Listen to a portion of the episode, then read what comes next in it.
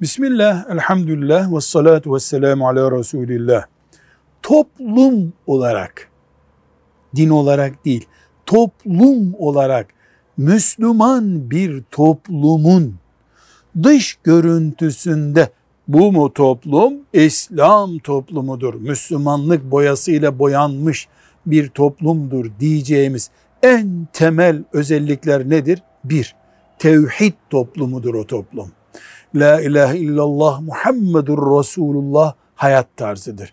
İkincisi o toplumun şeriatı İslam şeriatıdır. Yani yasaları yürütmesi şeriat üzeridir. Üçüncüsü o toplumda emri bil ma'ruf ve nehy anil münker vardır.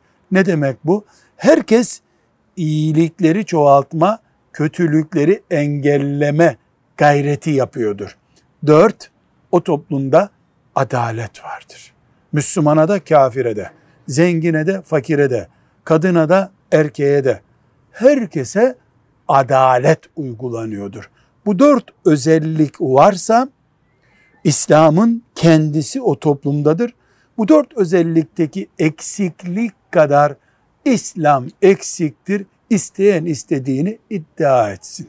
Velhamdülillahi Rabbil Alemin.